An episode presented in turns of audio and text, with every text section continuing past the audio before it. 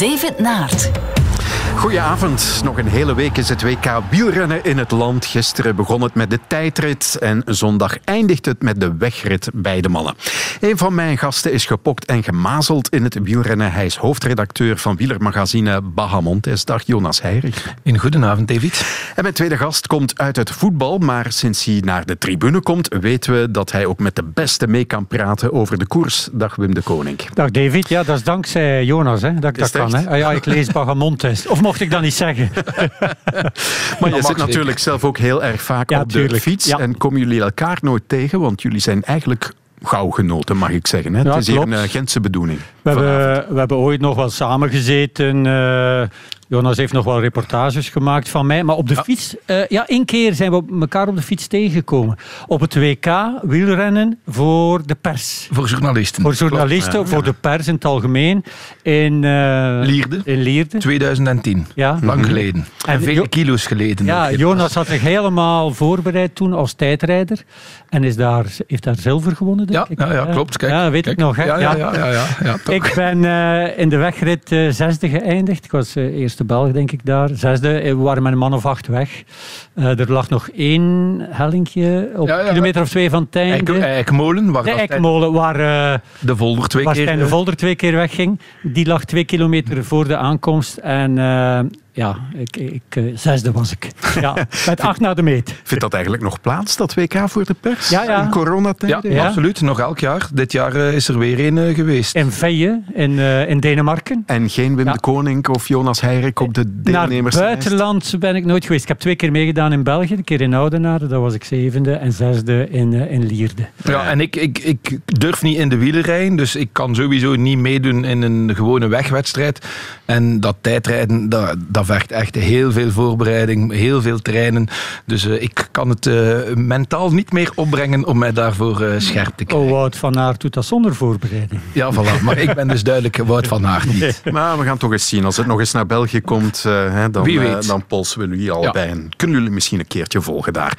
Jonas, vertel eens. In de aanloop naar dit WK zag ik dat jullie met Bahamontes de baan opgingen met een WK-special van Bahamontes on Tour. Ja. Wat moet ik me daarbij voorstellen? dat is eigenlijk ons ons wielermagazine dat we van papier naar het podium uh, proberen te brengen. Waarin dat we dus ja, allerlei WK-weetjes, WK-anekdotes eh, oprakelden. En waar dat we natuurlijk ook een paar gasten hadden met wie we het over uh, voorbije en het komende WK hadden. Hè. José de Kouwer was de gast. Brent van Moer was de gast. Die eigenlijk op het WK had moeten zijn. Hè. Die had van Sven van Toerenhout telefoon gekregen van Brent, je zijt erbij na zijn fantastische tour.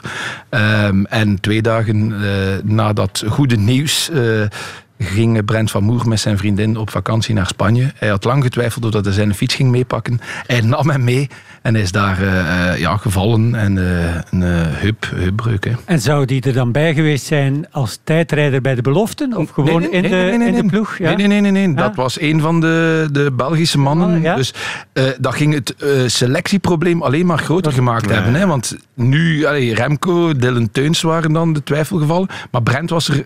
Hey, Sven heeft in augustus, dus na de Tour, een week na de Tour, vijf man wist toen al van jullie mogen mee. En Brent was er daar één van. Ja, ja. Uh, doen jullie ook iets tijdens het WK? Uh, eh, nee.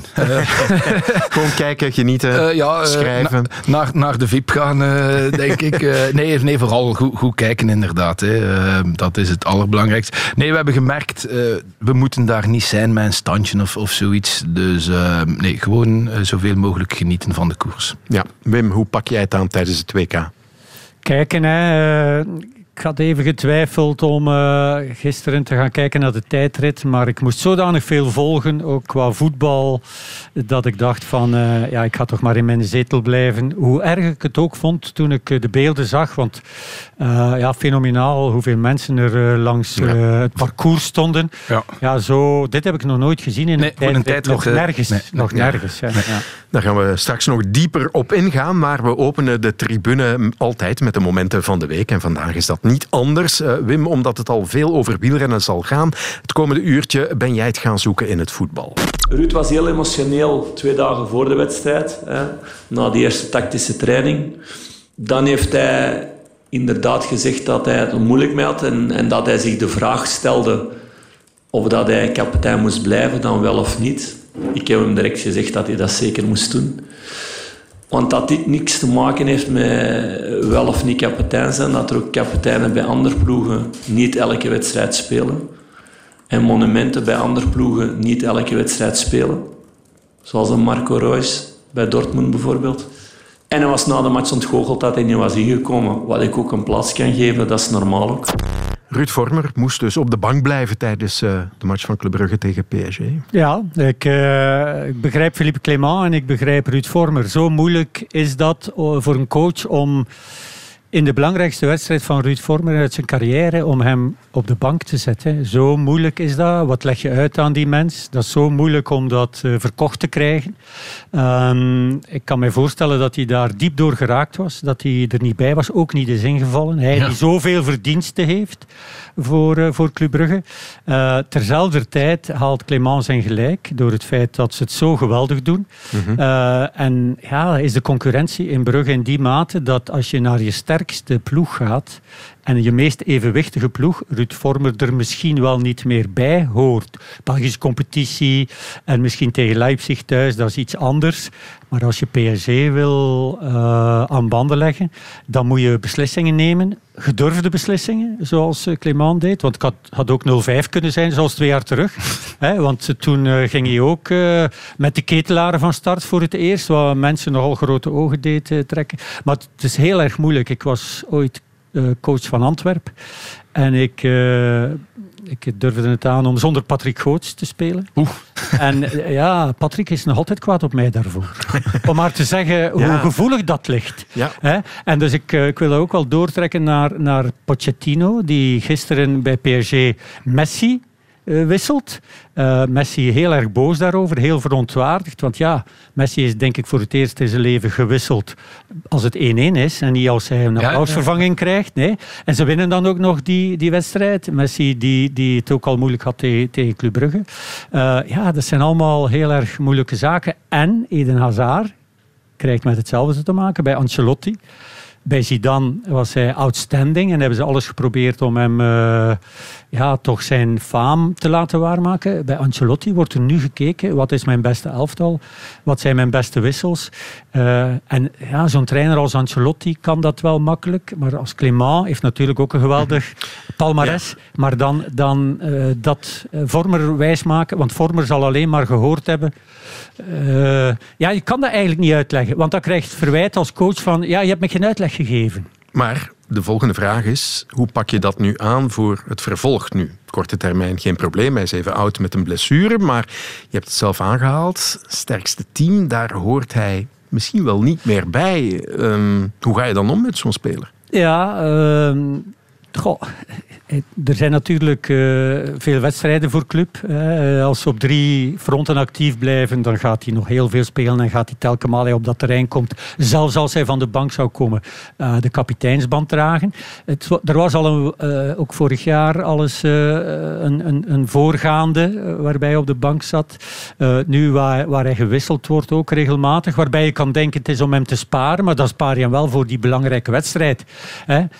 dus, dus er waren al wel wat tekenen. En het is moeilijk voor een speler om dat voor jezelf toe te geven. Soms heb je dus inderdaad uh, een, een, coach nodig die zegt van oké, okay, nu even langs de kant, al is dat zeer ingrijpend. Mm -hmm. uh, en al wil ik hier niet mee gezegd hebben dat Vormer niet meer voldoende is. Hè. Verre van. Verre van. Want hij zal in België ook nog wel het verschil maken voor club. Maar in dit soort wedstrijden heeft, uh, heeft Clément ja, zijn gelijk gehaald. Ja. Dan gaan we naar het uh, moment van Jonas. Ja, ideaal hè, voor uh, Philipsen hier de sprint. Met uh, Krieger die het fantastisch doet. Daar komt Degenkolb. Ja, Christophe zit opgesloten daar. Kan hij er nog uitkomen? Komt Degenkolb eruit? Of is het Jasper Philipsen? Is het Philipsen die hier gaat winnen? Het is met overmacht Jasper Philipsen. Twee dagen na Koolskamp was Jasper Philipsen gisteren ook de snelste in Eschborn-Frankfurt. Leg eens uit, waarom dit ja, fragment? Uh, dit fragment, omdat Jasper Philipsen dus twee keer wint op uh, drie dagen tijd. En dat Jasper Philipsen niet geselecteerd is voor het WK. Uh, een terechte keuze, begrijp mij niet verkeerd. Maar het duidt wel op de weelde dat we momenteel met de Belgische selectie hebben. En de problemen waarmee dat Sven van Toeren uit zal gezeten hebben op het moment dat hij die selectie moet maken. Ehm, Jasper Philipsen lijkt mij... Allez, je hebt voor het moment drie heel snelle Belgen. Hè. Het is de voorbije jaren wel anders geweest. We hebben Wout van Aert, we hebben Tim Merlier, die ook een van de allersnelsten is. En dan Jasper Philipsen. Jasper Philipsen die nog net iets meer dan Tim Merlier, denk ik, wat zwaardere koersen aan kan.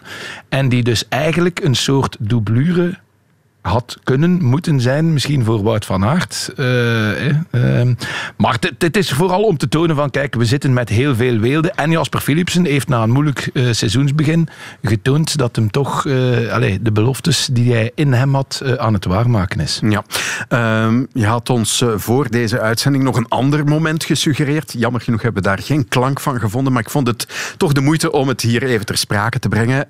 op zijn vijftigste koers Davide Rebellin blijkbaar nog altijd maar helaas, zaterdag heeft hij in de Memorial Marco Pantani een dubbele beenbreuk opgelopen. Ja, ja. Uh, alleen al fantastisch dat die mens nog koerst op zijn vijftigste. Hè. Uh, om, om maar even te situeren. Op niveau. Ja, op, niveau. niveau want, prof, hè? Ja. Ik heb hier uh, zijn, zijn uitslagen nog dit jaar bijgehaald. Zevende in de ronde van de Appenijnen. Dat is een heel lastige koers. Ben Hermans heeft die gewonnen. Maar Davide Rebellin was daar nog voor uh, Juan Ayuso, het supertalent van uh, de Emirates. Hè. Die is 19 jaar. Um, wat heeft hij daar nog uh, dit jaar? tiende in de Sibiu Cycling Tour, 28ste in de Settimana Ciclista Italiana. nu laatst zevende nog in een Roemeense rittenkoers. Allee, op zijn 50ste doet hij nog altijd mee dan ja, een, een dubbele beenbreuk, hè, kuitbeenbreuk en scheenbeenbreuk. En wat dat daar dan ook wel, wel allez, het, moet bijna zo zijn, is in de Memorial Marco Pantani. En Marco Pantani, met wie dat Rebellin dus, dus nog gekoerst heeft, onwaarschijnlijk. In 95 heeft Marco Pantani in Milaan-Turijn een gelijkaardige kuit- en scheenbeenbreuk opgelopen. Pantani was toen 25, Rebellin 24. Uh, ja, Pantani is ondertussen al jaren dood. Uh, maar Rebellin heeft nog gekoerst tegen Bartoli, tegen Museu. Allee, dat, dat, dat is bijna niet meer, niet meer voor te stellen. En dat verhaal, die carrière, dat, dat is onwaarschijnlijk. Rebellin was eigenlijk voorzien om uh, in een klooster toe te treden. Dat was een heel vroom mens die, die geloofde heel. Als die op trainingstochten was en uh, hij passeerde een kerk, dan stopte die vaak om te gaan bidden. Dus. Um, en vandaar ook, Rebellin was een ongelooflijk supertalent als, als jonge gast. En dan komen we daar bij de profs en dan wint hij eigenlijk hij kan hij de belofte niet waarmaken. Hij wint wel Klassica San Sebastian, kampioenschap van Zurich, maar zo gelijk Bartoli en toestanden Ronde van Vlaanderen, Luik, Bastenaken, dan niet. Uh, waarom? Omdat Rebellin toen nog de vroomheid zelf was en dus EPO en zo afzwoer. Hij reed niet op superbenzine. En dan is er Maar er is een moment geweest dat, het, dat er wel gekomen is. Ja, en naar het, schijnt, naar het schijnt zou dat gekomen zijn, is er een vrouw in zijn leven gekomen en die was iets minder vroom en die heeft uh, Rebellin uh, ja, op het slechte pad gebracht. Uh, en Rebellin is dan Rebellix geworden en Rebel Rebel, dat, dat, dat was dan ding. En dan is hij eigenlijk helemaal doorgeschoten naar de absolute top. Hij, hij, hij, was eigenlijk op zijn top op zijn 33ste. Um, miste dan uh, Olympische Spelen uh, in Athene. daar werd hij niet geselecteerd. Dan wilde hij Argentijn. Allee, zijn vrouw wilde dan dat hij Argentijn werd. Om met, allee, Juist, ja, ja, ja. Onwaarschijnlijk. En dan de Olympische Spelen daarna stond hij wel op het podium. En een jaar later uh, is hij dan allee, met terugwerkende kracht betrapt op het gebruik van Sera. EPO van de derde generatie. Ja, ja, 37 was hij toen al. Dus iedereen zei, ja, dopingschorsing van twee jaar. Het is, het is over en oud. En Rebellin kwam terug en heeft dus ja, koers, koers nog altijd. Maar hij moest van zijn vrouw waarschijnlijk nog altijd koersen. Zijn, zijn vrouw is de, de, de vrouw die hem op het slechte pad heeft gebracht, die is ondertussen van het toneel verdwenen. Ah, hij is daarvan gescheiden. Hij heeft ondertussen een nieuwe vrouw. En hij zou, allez, of dat hij echt helemaal weer de vroomheid zelf geworden is, dat weten we niet. Maar hij is toch alleszins weer op het goede pad. En het zou heel straf zijn als we hem nog terugzien voilà. in wedstrijden. Hè? Ja, maar, het is toch wel een heel zware Maar met Rebellin weet je dus nooit. Het zou zomaar kunnen. De tribune. Het WK wielrennen is gisteren dus begonnen. En hoe? Met een razendspannende tijdrit. En vertrokken Remco Evenepoel op weg voor 43 kilometer en 300 meter. Kijk naar de mensenmassa. Remco Evenepoel maakt dan een bocht. Nee, dat is hij net voorbij gekomen. 12 seconden, nee, 11 seconden beter dan uh, Max Walscheid. 11 seconden beter, dus dat is al meteen strak in het pak van Remco Evenepoel. Zonder dringbijzonder weg Oh, kijk, ja, kijk. Hij is hem kwijtgespeeld, want hij greep naar de drinkbus Ja, ja, ja, en de drinkbus is verdwenen. Een probleem voor Remco Evenepoel is dit toch? In een lange tijdrit Ja. is dit een probleem. Hij komt aan de leiding. Hier is Evenepoel en Top die komt binnen. Bam! Voilà, met een knikje komt hij over de streep. 42 seconden beter. Sneller dan Stefan Bissiger. Oh, wat een snelheid, hè, mannen. Dat is echt om bij stil te staan. Wout van Aert, 27. Heeft hij een dubbele afspraak met de geschiedenis in eigen land? 3, 2, 1. En zo is hij vertrokken. En knokken hijst. Op zoek naar misschien een wereldtitel. Hopelijk een wereldtitel. Nu op het podium. La Bestia, het beest. Filippo Ganna, geconcentreerd, maar zegt nog iets. I'm in the tall grass. Wout van Aert met de tussentijd hier. Na 13 kilometer, 17 seconden rapper dan de Europese kampioen. Alleen Ganna moet hier nog langs. Heel in de verte kijken we naar Filippo Ganna. Wat gaat hij ons, welke informatie? Ik, denk, ik heb de indruk dat het stroef gaat. Hij komt in de buurt, onder de seconde. Beste tijd voor Wout van Aert. Maar Filippo Ganna is aan het naderen. 7 seconden na 13 kilometer. Nu minder dan een seconde. En volstaat dit dan voor de wereldtitel? 200 meter nog voor Wout van Aert. Wordt het goud voor Wout 38 seconden sneller gedaan dan Remco Evenepoel over 43 kilometer. En dan is het nu de adem inhouden. En Ganna is next. De wereldkampioen gaat bepalen wie hier vandaag wereldkampioen wordt. Filippo Ganna op weg om zichzelf op te volgen. Dit gaat hij niet laten liggen, de Italiaan. Zegt dat je misrekend hebt. Ik hoop het. Dit wordt echt een uh, millisecondenspel. Een millisecondenspel. Nog 10 seconden.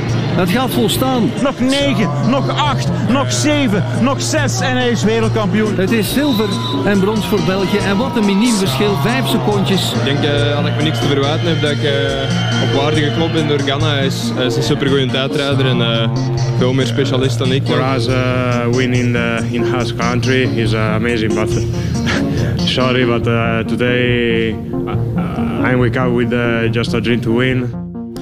Wout van Aert was top, maar helaas was Filippo Ganna ook zichzelf en dus de allerbeste in de tijdrit. Hè. Net iets beter. Het was uh, een uh, vrijpartij van uh, 48 minuten zonder climax, om het zo te zeggen. ja, ook Renaat klonk onwaarschijnlijk bedroefd voor mij op gisteren. Maar ja, ik las een analyse van Jonas Creteur, die er ook regelmatig te gast is in de tribune. Hij schrijft voor Sportvoetbalmagazine en hij schreef vanmiddag, als je als allrounder slechts goed vijf seconden verliest op een pure tijdrit, kan je onmogelijk van een nederlaag spreken. Ja, maar ik kan me wel voorstellen dat het zuur is. Hè. Iedereen zei van uh, we willen met twee op het podium. Het gebeurt dan ook. Kana is natuurlijk wel een geweldige tijdrijder. Heeft er de perfecte morfologie voor. Was perfect voorbereid. Rijdt de wegrit niet. Uh, in tegenstelling tot Van Aert. Dus wist echt wel waar hij moest naar pieken. Had ook al vorige week gepiekt op het EK. Ja, ja. nee, maar, net niet. Hè. Net nee, niet. maar hij, hij dacht wist... van wel. Hij dacht van wel, maar met die hoogtestage... Ja, dan ja. had hij eigenlijk... Allee, en ik denk dat hij daar wel beseft heeft van... Hij kon niet 100% zijn. Je nee. pas 100% als je die hoogtestage even laat inwerken. Mm -hmm. Dus ik denk dat het uh, ingecalculeerd was. Geen Europees kampioen, maar alles op dat WK. Ja. Zeker ook allee, omdat hij hier een parcours vond dat echt allee, op zijn lijf geschreven ja. was. Hè. Het leek wel alsof dan de Belgen toch een parcours voor Ghana hadden uitgetekend. Ja, hè. dat, dat is een vraag die velen zich stelden, ook op de redactie vandaag hadden wij, de organisatie, chauvinistischer moeten zijn bij het uittekenen van dat parcours. Steek daar wat Vlaamse heuvels in. Dat had gekund. Langs een andere kant, allee, ja, vorig jaar wie had kunnen... Voor, allee, ja, het was toen wel al duidelijk dat Wout uh, wereldtop was. Langs een andere kant, allee, ik denk inderdaad voor Wout dat het ongetwijfeld een voordeel geweest. Steek daar één of twee van die nijdige kasjes in en dat zou wel een keer Ghana zijn kuiten kon, kunnen gebroken hebben.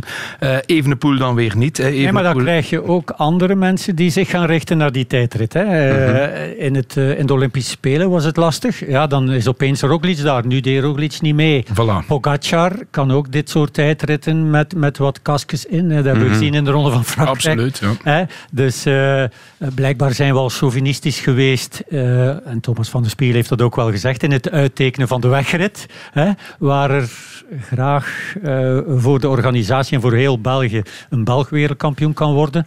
Wout had een kans hè, gisteren, dat is nu ook wel duidelijk. Uh, maar Ghana was net iets beter. Maar ik kan mij de, ja. de ontgoocheling enorm inbeelden. Want je, je vermeldde het feit dat uh, Ghana uh, alleen gepiekt had naar deze tijdrit. Hij doet de wegrit niet, Wout van Aert wel.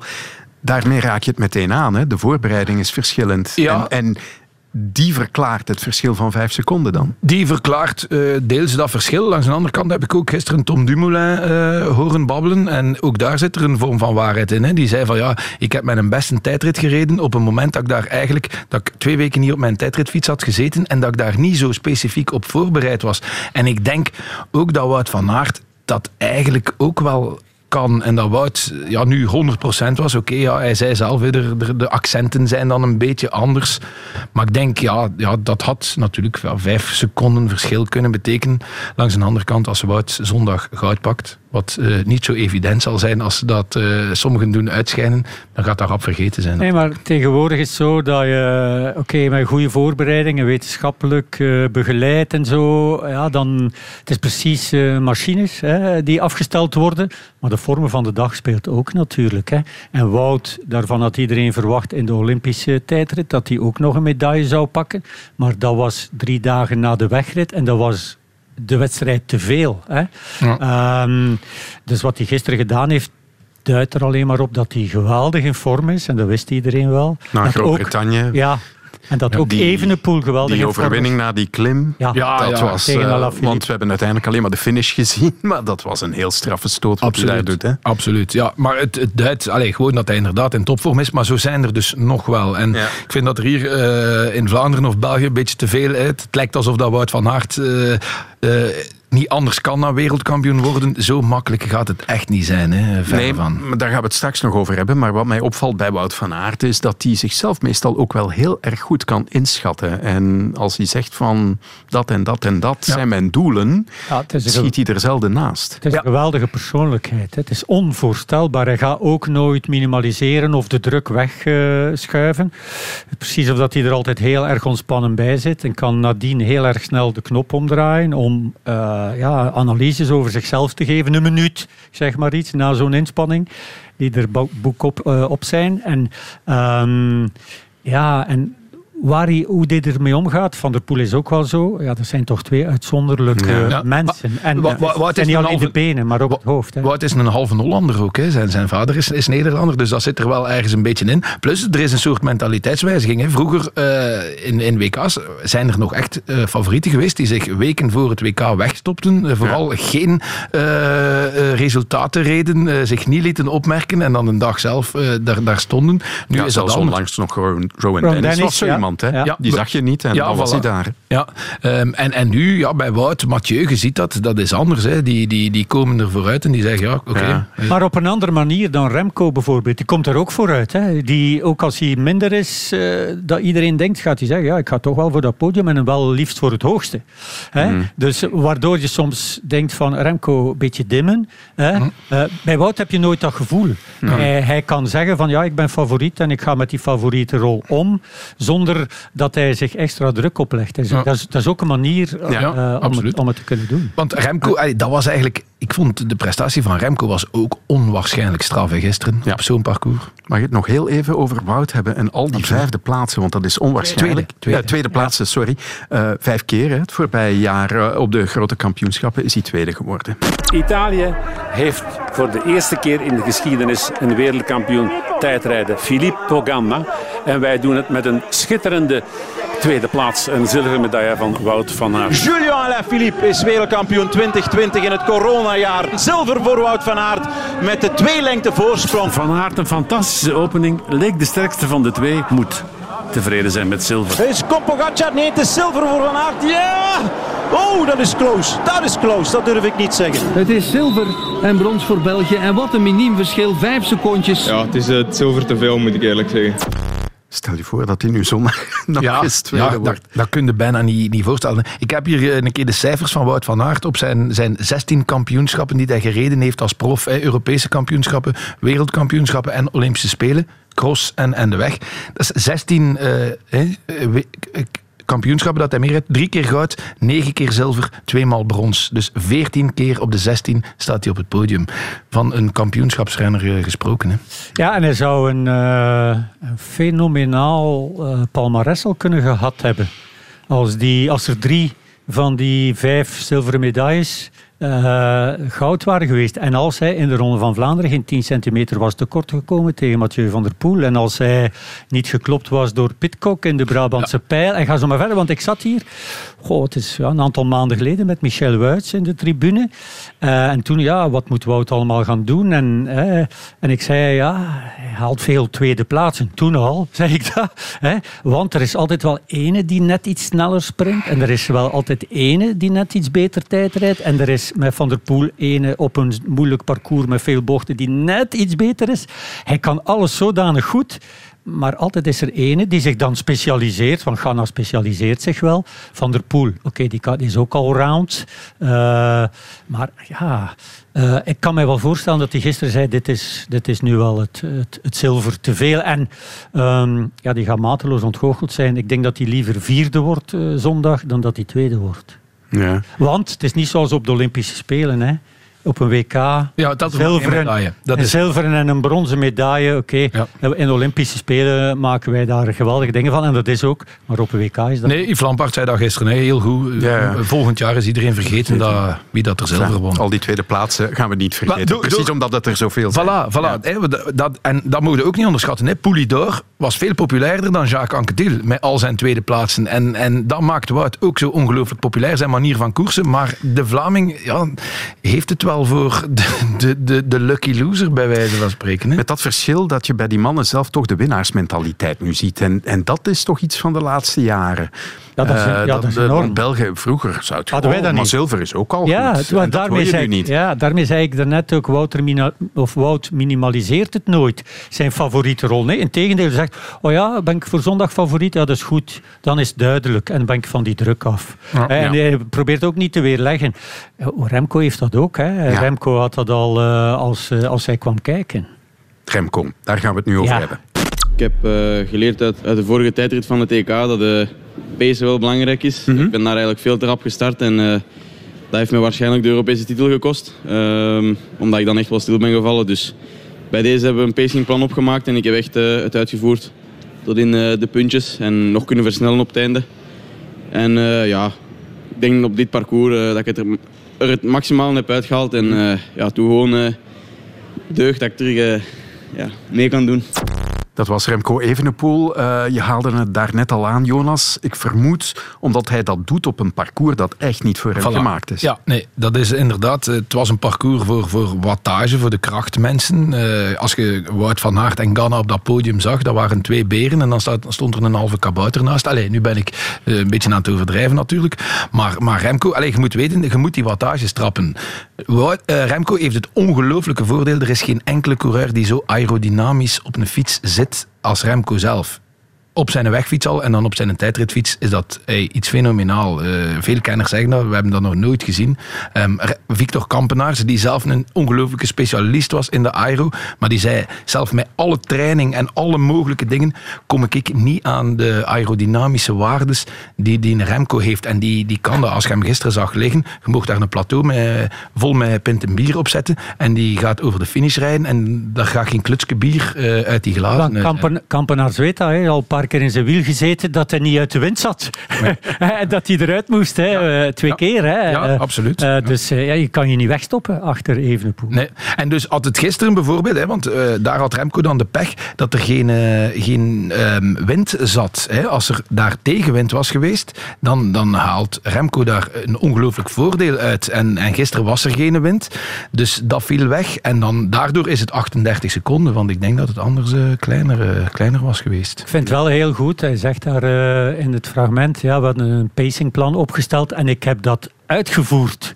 Remco is nog niet snel iemand die luistert naar plannen en uitvoert. En dat, dat maakt hem ook zo uniek en dat maakt hem ook zo geweldig. Maar dat, dat maakt hem ook zo moeilijk om te coachen, denk ik. Hè? Maar ik denk wel dat hij aan het leren is uit die fouten, lijkt mij. Hij moet, hij moet. Want nu, allez, dat, dat weet ik, het heeft niet zoveel gescholen of Remco was niet meegeweest naar het WK. Als Remco de weken voordien niet uh, heel veel koersen op indrukwekkende wijze had gewonnen, dan denk ik dat ze hem zouden thuisgelaten hebben met het argument, eh, het is Remco zijn parcours niet.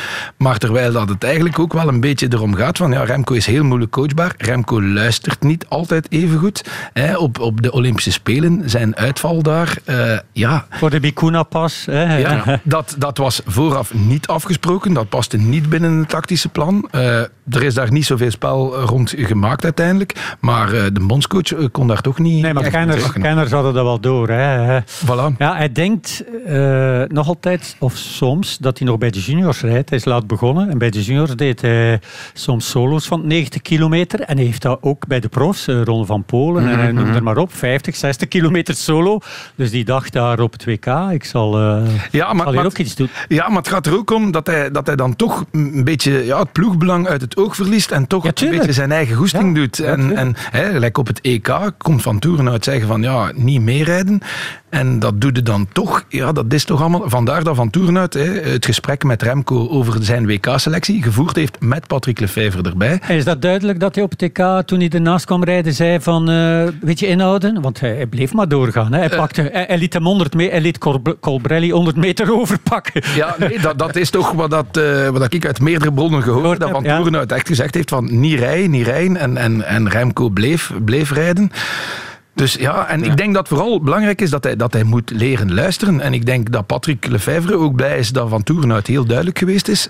Want het, allee, ook binnen de Wolfpack hè, eh, Ja, ja. zijn er soms al een keer wrijvingen eh, geweest. En ik denk dat nu een, het signaal wel is binnengekomen. Ja. Wat moeten we nu denken van zijn seizoen? Want eh, ja, Het, was, het was een heel vreemd seizoen. Het is nog niet afgelopen natuurlijk. Hè. Lombardije komt er straks nog aan. Maar hij lijkt wel weer aan de oppervlakte gekomen nu op dit moment. Ja, en het heeft lang geduurd en het is niet zo verwonderlijk natuurlijk. Hè. Allee, je mocht niet vergeten, eh, de jongen lag vorig jaar eh, in, een, in een ravijn eh, en toen werd er gevreesd, eerst zelf voor zijn leven hè, van, en, en dan voor de carrière en toestand. Dus hij is van heel ver moeten terugkomen.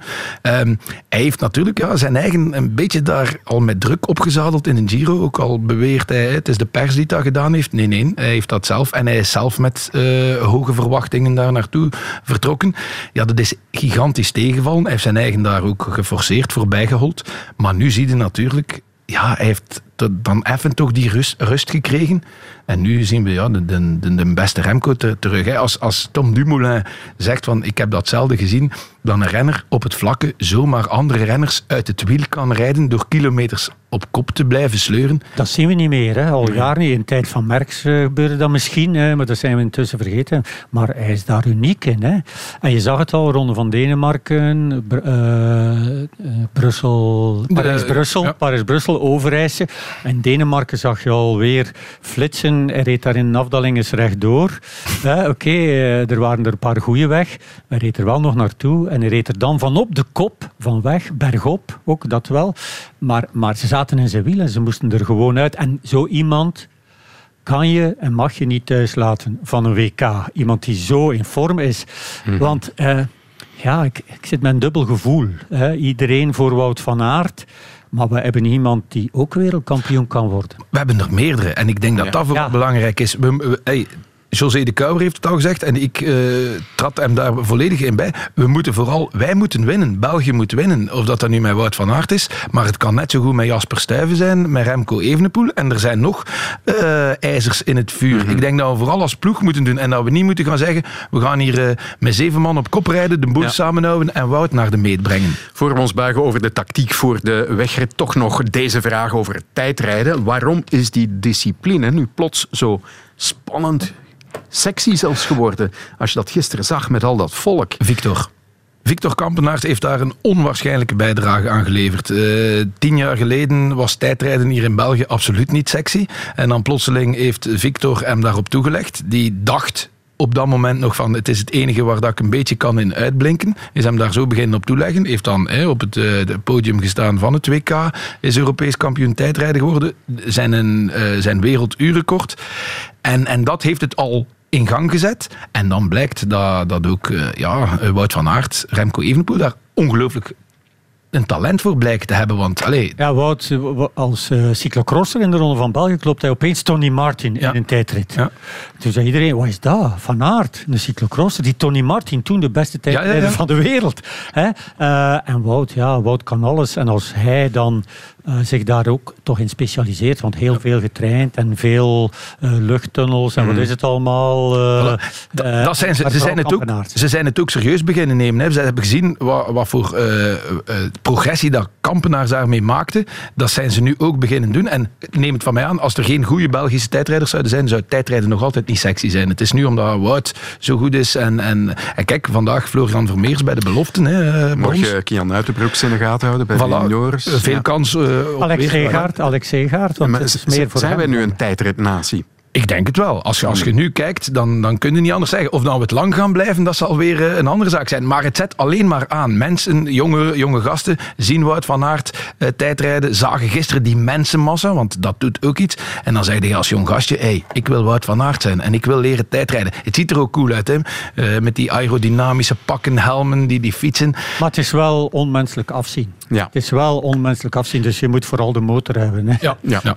Maar ik vond het toch van de ja, prangendste dingen die ik dit jaar op sportief gebied heb gezien. Dit is de tribune. Mijn gasten deze week zijn Wim de Koning, voetbalanalist bij Proximus Sports en Jonas Heirik, hoofdredacteur van wielermagazine Bahamontes. Ja, de wegrit van het WK zondag. Het is de wedstrijd die Wout van Aert slash België moet winnen. Maar hoe moeilijk gaat dat worden? Dat gaat heel moeilijk worden, want eh, ze kijken inderdaad naar België. Ze weten dat België de topfavoriet in huis heeft. En ze weten dat de Belgen er alles aan gaan doen. Ze rijden voor eigen, eigen volk. Hè. Ehm, maar ik, ik zei het daarnet al, hè, ze mogen vooral niet als een blok proberen en alleen maar als doel hebben van we gaan met Wout van Aert naar de meet. Ik denk dat ze het slimmer en, en anders gaan moeten aanpakken. Ja, maar oké, er zal een, select groepje eh, zich afscheiden. Hè, want het zal een eh, heel erg... eh, andere WK's op een geëikt parcours zijn soms saai. Maar ik denk dat er van heel ver al eh, gaat gekoerst worden hè, zondag. En dat, eh, dat je iedereen ja, gaat er moeten bij zijn. En dat is ook geen eh, ja, lange vlucht gaan mogen laten vertrekken waar een aantal goede mensen in zitten. Of een aantal landen. Ze gaan er vooral zelf moeten bijzitten. Ja. Ze, ze moeten zorgen dat ze altijd een man mee hebben. En het moet iemand zijn. Het moet een, een, een mogelijke winnaar zijn. Hè. Ze moeten niet Tim de Klerk meesturen. Het moet een, een Yves Lampaard zijn of een Jasper Stuyven. Waarvan dat de anderen weten van... Oh, als die, die gaan, die mogen we niet laten rijden. En dan zitten de Belgen in de zetel. Hè. Eigenlijk, ze hebben Tim de Klerk mee. Maar het moment dat Tim de Klerk in actie moet komen... dan is het teken dat de situatie niet 100% goed zit voor de Ja, Belgen. dat zou kunnen, zou kunnen. En terzelfde tijd, ja, als ik dan altijd lees, ook weer nu alles Remco vooral, in functie van Wout. Dat was mijn vraag. Hoe moet je Ja. het nu aanpakken, Ja. Remco? Eh, en natuurlijk eh, zit je daar met die verwrongen situatie van die landenploegen. Hè? Want de kans dat er van eh, Quickstep in de kopgroep veel bij zijn, is groot. Hè? Asgreen, eh Ze zijn met Alaphilippe. 16, 16 ja, zeker? Of zo? Ja, voilà. Straf, ja, en ook, ja. Ja, voilà. En eh, ja, Mikel Honoré en noem ze maar op. De, de kans is heel erg groot. Eh, dan, dan, dan is het, heb je soms het gevoel, Remco gaat zich misschien vroeger leegrijden om niet in een situatie te komen dat hij daar moet gaan kiezen. Maar ik denk Dat gevaar zit ja, erin, hè? Ja, maar ik denk dat ze Remco heel duidelijk, en ik denk ook dat dat de rol is waar dan ze Remco moeten uitspelen, die moeten ze op 50, 60 kilometer van de meet, moet hij in een aanval gaan. Of alleen, of mijn groepje. En dan zitten in een ideale situatie. Ja, niet met een groepje. Met een groepje. Hij moet alleen toekomen. Ja, maar als- En hij, hij- de, het parcours op het einde is in die mate zo, niet zo zwaar meer op het einde, dat alleen toekomen voor hem heel erg moeilijk zal zijn. Maar je moet wel in de finale zitten. Ja. Waardoor Wout niet alleen zit. En we moeten met drie in de finale zitten, denk ik. Want er gaan landen zijn, de Denen, de Fransen, eh, de Engelsen, eh, noem maar op, eh, Slovenië misschien, waar ze wel met drie misschien in die finale gaan komen. Maar daar heb ik ook vertrouwen in dat de Belgen daar gaan, gaan, die derde gaan man, zitten. ja, maar- Remco moet er daarom bij zijn. Remco, Stuyven en. Van Aert moeten, moeten in de finale erbij zijn. Om wereldkampioen te worden. Want anders krijg je een situatie zoals op de Olympische Spelen. Dat iedereen tegen Wout rijdt. Ja, wel, hè. dat, dat moet je dus vermijden. Dat moet, dat, dat moet je absoluut vermijden dat, dat, dat Wout al op 30 kilometer of 20 kilometer van de meet Alleen, geïsoleerd ja, zit. voilà. Want dan moet hij op alles springen en, en dat ja, dat gaat niet. Dat, eh, dat heeft, eh, dat Zelfs Wout Bots dan op zijn limieten hebben we gezien Ja. eh, in heb- de Olympische Spelen. Voilà, en ik heb hier wel, waar hij veruit de beste was. Hè. Absoluut, ja. Als hij een klein Zeker. beetje steun krijgt en als er daar nog een Belg bij is, is hij altijd Olympisch Da- kampioen. daar heeft hij, ja, dat er geen Belg meer bij zit. En daar heeft hij de pech dat Brandon McNulty is die mee heeft Ja. met Carapaz. Waardoor dat Pogacar, die daarvoor wel vol meereed. En, en dan, ja, Pogacar, daar, daar, spelen, daar spelen die ploegbelangen. Tuurlijk. Daar heeft Pogacar Ja. gezegd, ja, dan is het nu aan de rest. Ja. Mathieu van der Poel, die komt dus zeker aan de start, heeft de Nederlandse Ja. wielerbond laten weten. Eh, ik citeer het persbericht. Hij is vermoedelijk niet de uitgesproken favoriet vanwege zijn fysieke problemen in de aanloop naar dit WK. Dus ze kiezen zogezegd voor de underdog-rol. Of eh, moeten we daar toch geloof aan hechten, aan die uitleg? Misschien, eh, Jonas zei daarnet van eh, tijdrijders staken zich een tijd weg en opeens waren ze daar. Je hebt het gevoel, als je Van der Poel in de twee koersen dat ik nu van hem gezien heb, hebt zien rijden, ja, dat hij zich eh, in de duiken heeft klaargestoomd. Ja, maar dat- Of is dat, is dat puur klasse op Ik de heb, manier eh, waarop hij nu weer al aan het koersen is? Ik denk dat het daarmee te maken heeft, want ik heb gesproken met Brent van Moer. En Brent van Moer is eh, revaliderende na een eh, heupbreuk. En Brent zei van, bij de kine, bij mij zat Mathieu van der Poel. En ik kan getuigen dat het geen... geen Niet verzinsel- is, Dat het ja. geen verzinsel is. Mathieu sukkelt dus effectief met zijn rug. Ehm, dus dat, eh, dat weten we dan wel al, dat, dat het geen, geen eh, spookblessure is. Ja, maar als hij aan de start komt van een WK, dan moet dat toch zijn vanuit het geloof van, Ja, ja. ik kan dit Ja, winnen. ja, ja. Hij, hij start absoluut. Hij gaat niet eh, meedoen om zomaar de hoop te vullen. Hij, hij start met, de, met het, het gedacht van misschien kan het wel. Maar het zou voor hetzelfde geld, het is een lastige koers, 270 kilometer, als er heel hard koerst. En als die rug plotseling opspeelt, of plotseling, ja, dan, en dan zal dat niet, maar hij heeft het bewezen in de Antwerport Classic, eh, Mhm. wint hij ook. Terzelfde tijd moet de afstand dan toch wel in zijn nadeel zijn. Als het echt zo is Zeker. dat hij Ja. zeg maar op die manier heeft kunnen voorbereiden. Oké, een koers van 180 of 200 kilometer moet dan nog wel gaan. Maar die laatste 70, dat zijn toch belangrijk. En wat betekent dat voor Wout van Aert? Als, enfin, hij komt nu zeker aan de start, Mathieu van der Poel. Maakt dat wat uit? Goh, ik, Als zij erbij is in de finale wel. ja, maar, Maar maar hij is er al een paar keer op, op gestoten. Hè? Ja, en ze kunnen elkaar ook, ook helpen. Hè. Dat, is, dat is ook al een paar keer. Ze hebben elkaar eh, dit jaar een paar keer gevonden. Maar dan denk ik inderdaad, hey, ik zou als Wout van Aert zijn, eh, moet hij niet kijken naar, naar Mathieu van der Poel. Ehm, ik denk ook door die... Nee, maar Wout is altijd relaxter als Mathieu er niet bij is in de finale. Dat hebben we al een aantal keer gezien, want Mathieu is wel een echte finisher natuurlijk. Ja, en langs de andere kant kunnen ze ook bondgenoten Ja, zijn. Hè. maar Als- kan maar als- één winnen in dat bondgenootschap, hè, Ja, Jonas? Goed, maar, maar, maar dat risico moet hij gaan. Ik denk dat Wout van Aert liever alleen met Mathieu van der Poel naar de meet gaat misschien, dan, dan, dan met een groepje van, van 12 man. Ja. Ja, dat zou kunnen. Maar dan heeft hij het verleden wel tegen natuurlijk, als Ja. je met Mathieu naar de meet gaat. De tribune. Blijf nog even zitten, beste gasten. Maar ik haal er nog een derde spreker bij, want het was toch wel een opmerkelijk bericht in de tijd afgelopen zaterdag. Voetbalclub AA Gent staat in de etalage.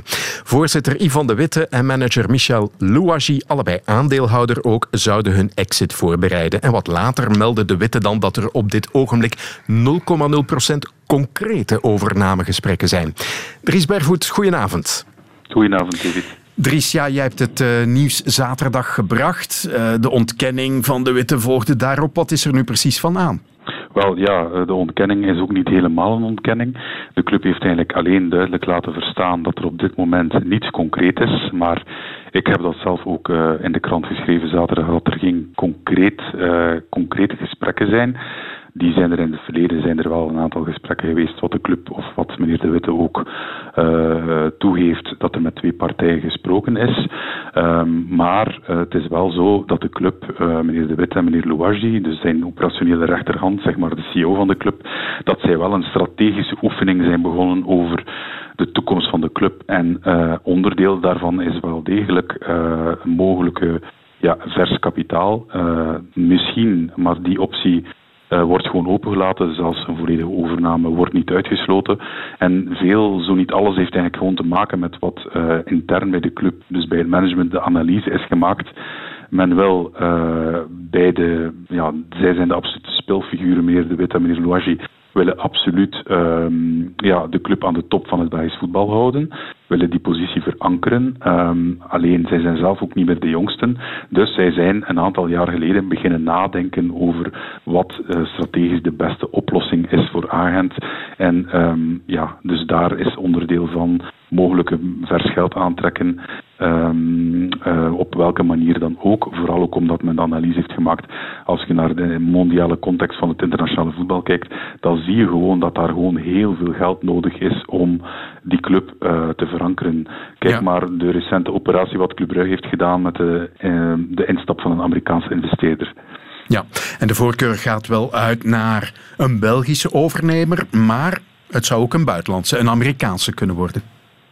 Wel, um, zoals ik het begrepen heb, is wel degelijk de voorkeur uh, voor een, uh, ja, een lokaal verankerde ondernemer, familie, uh, rijke, rijke, ja, rijke Vlaamse familie of, of investeerder. Vooral ook omwille van het feit dat dat is toch wel vrij uniek voor Agent, of voor het, voor het Belgische voetbal beter, die positie dat Agent uh, inneemt. En zeker ook die verwevenheid met de stad Gent. En mm -hmm. daar heeft men toch wel laten verstaan dat men toch liefst Gent lokaal verankerd ziet.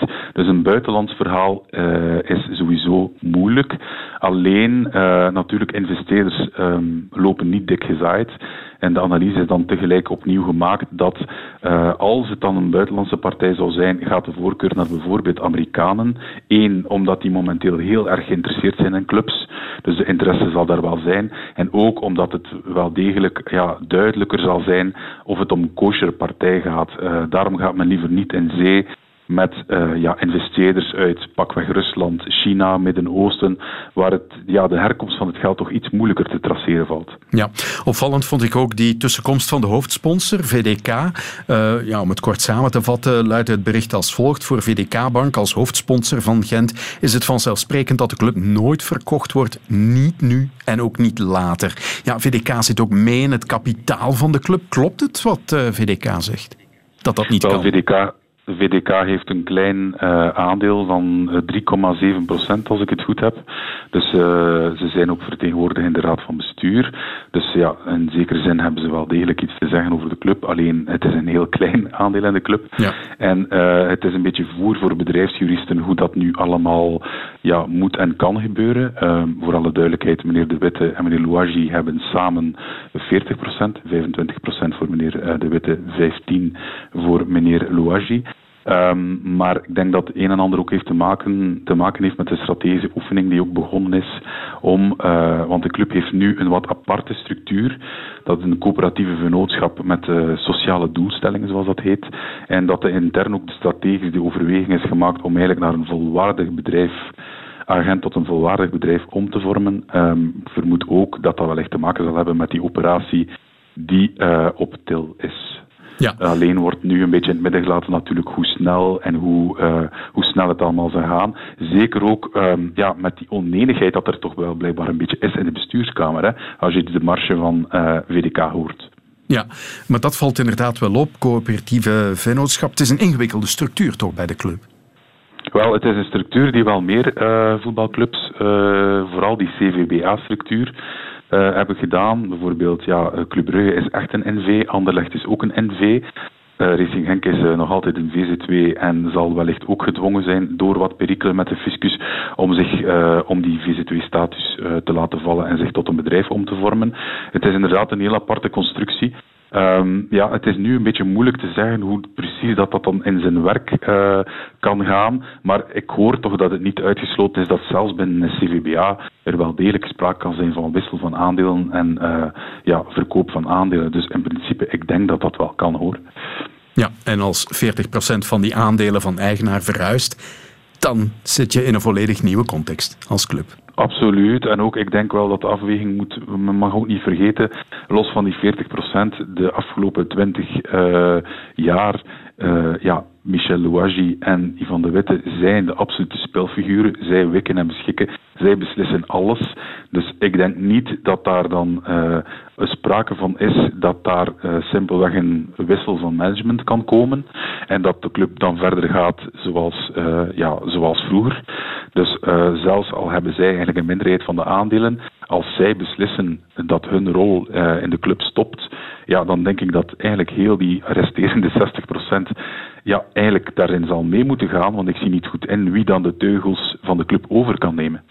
En die 60% voor alle duidelijkheid, die liggen verspreid over een hele reeks aandeelhouders.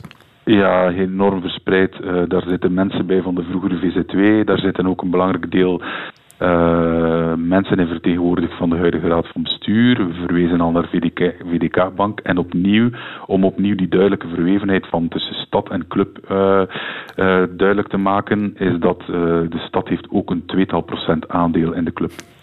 Dries Bervoet, bedankt voor de toelichting en tot een volgende keer. Daar. Ja, Pim de Koning, je hebt ja. aandachtig zitten meeluisteren. Ja. Heb je ook verdiept in Goh, ja, dit beetje, dossier? beetje wel. Uh, uh, ja, die 40% van de twee, dat is een beetje uh, moeilijk nu. Want hadden ze meer dan 50 gehad bijvoorbeeld, zou het makkelijker zijn om een koper te vinden die onmiddellijk de meerderheidsaandelen heeft.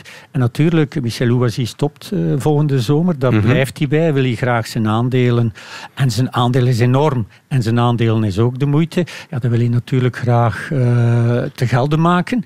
En dat kan beter bij een club die gezond is en die goed draait, alhoewel dat ze nu onderaan staan. Uh, maar uh, in die context moet ook wel een beetje gezien worden waarom ze bijvoorbeeld een David verkocht hebben, een Jaremchuk, nu Kleindienst en Dors. Daar is veel geld binnengekomen voor die vier. En eigenlijk hebben ze niet zoveel geïnvesteerd. En als je dan wil verkopen, kan je maar beter maken dat je boekhouding er rooskleurig uitziet en dat, ja, en dat die klopt. En inderdaad, dat is het geval. En die mensen hebben heel veel schulden weggewerkt, hebben geweldige zaken gedaan. Ook natuurlijk vooral dankzij VDK en de stad, die zich toch met dat stadion borg hebben gesteld ja. en veel gedaan hebben. VDK heel veel toen het echt wel precair was. En nu zitten die twee zo'n beetje tegen elkaar, kan je wel stellen. En die mensen op één lijn krijgen, zal niet evident zijn. Ja, wordt vervolgd zoals dat heet. We zijn bijna klaar met deze aflevering van de Tribune. Slotvraag. Maar kijken jullie nog naar uit deze week? Ja. Wat zou dat kunnen zijn? Wielrennen. elke dag, elke dag. Ja, uh... Maar uh, zondag de appeltheorie. Ja, ja, ja, Hoe gaan ja. jullie het volgen, Jonas? Ik uh, ben uitgenodigd door BioRacer in Leuven. Dus ik ga het van dichtbij meemaken. En Voor, voorzichtig zijn in de VIP, zou ja. ik zeggen. ik, ga, ik ga op tv kijken, denk ik. Hè, omdat ja. ik ook wel voetbal ga volgen en zo. Maar de grote tv zal op wielrennen staan. En mijn klein bakje op het voetbal. Zeer goed. Jonas Heirik, Wim de Koning, bedankt dat jullie er waren. Dit was de Tribune. Fijne avond nog en tot gauw.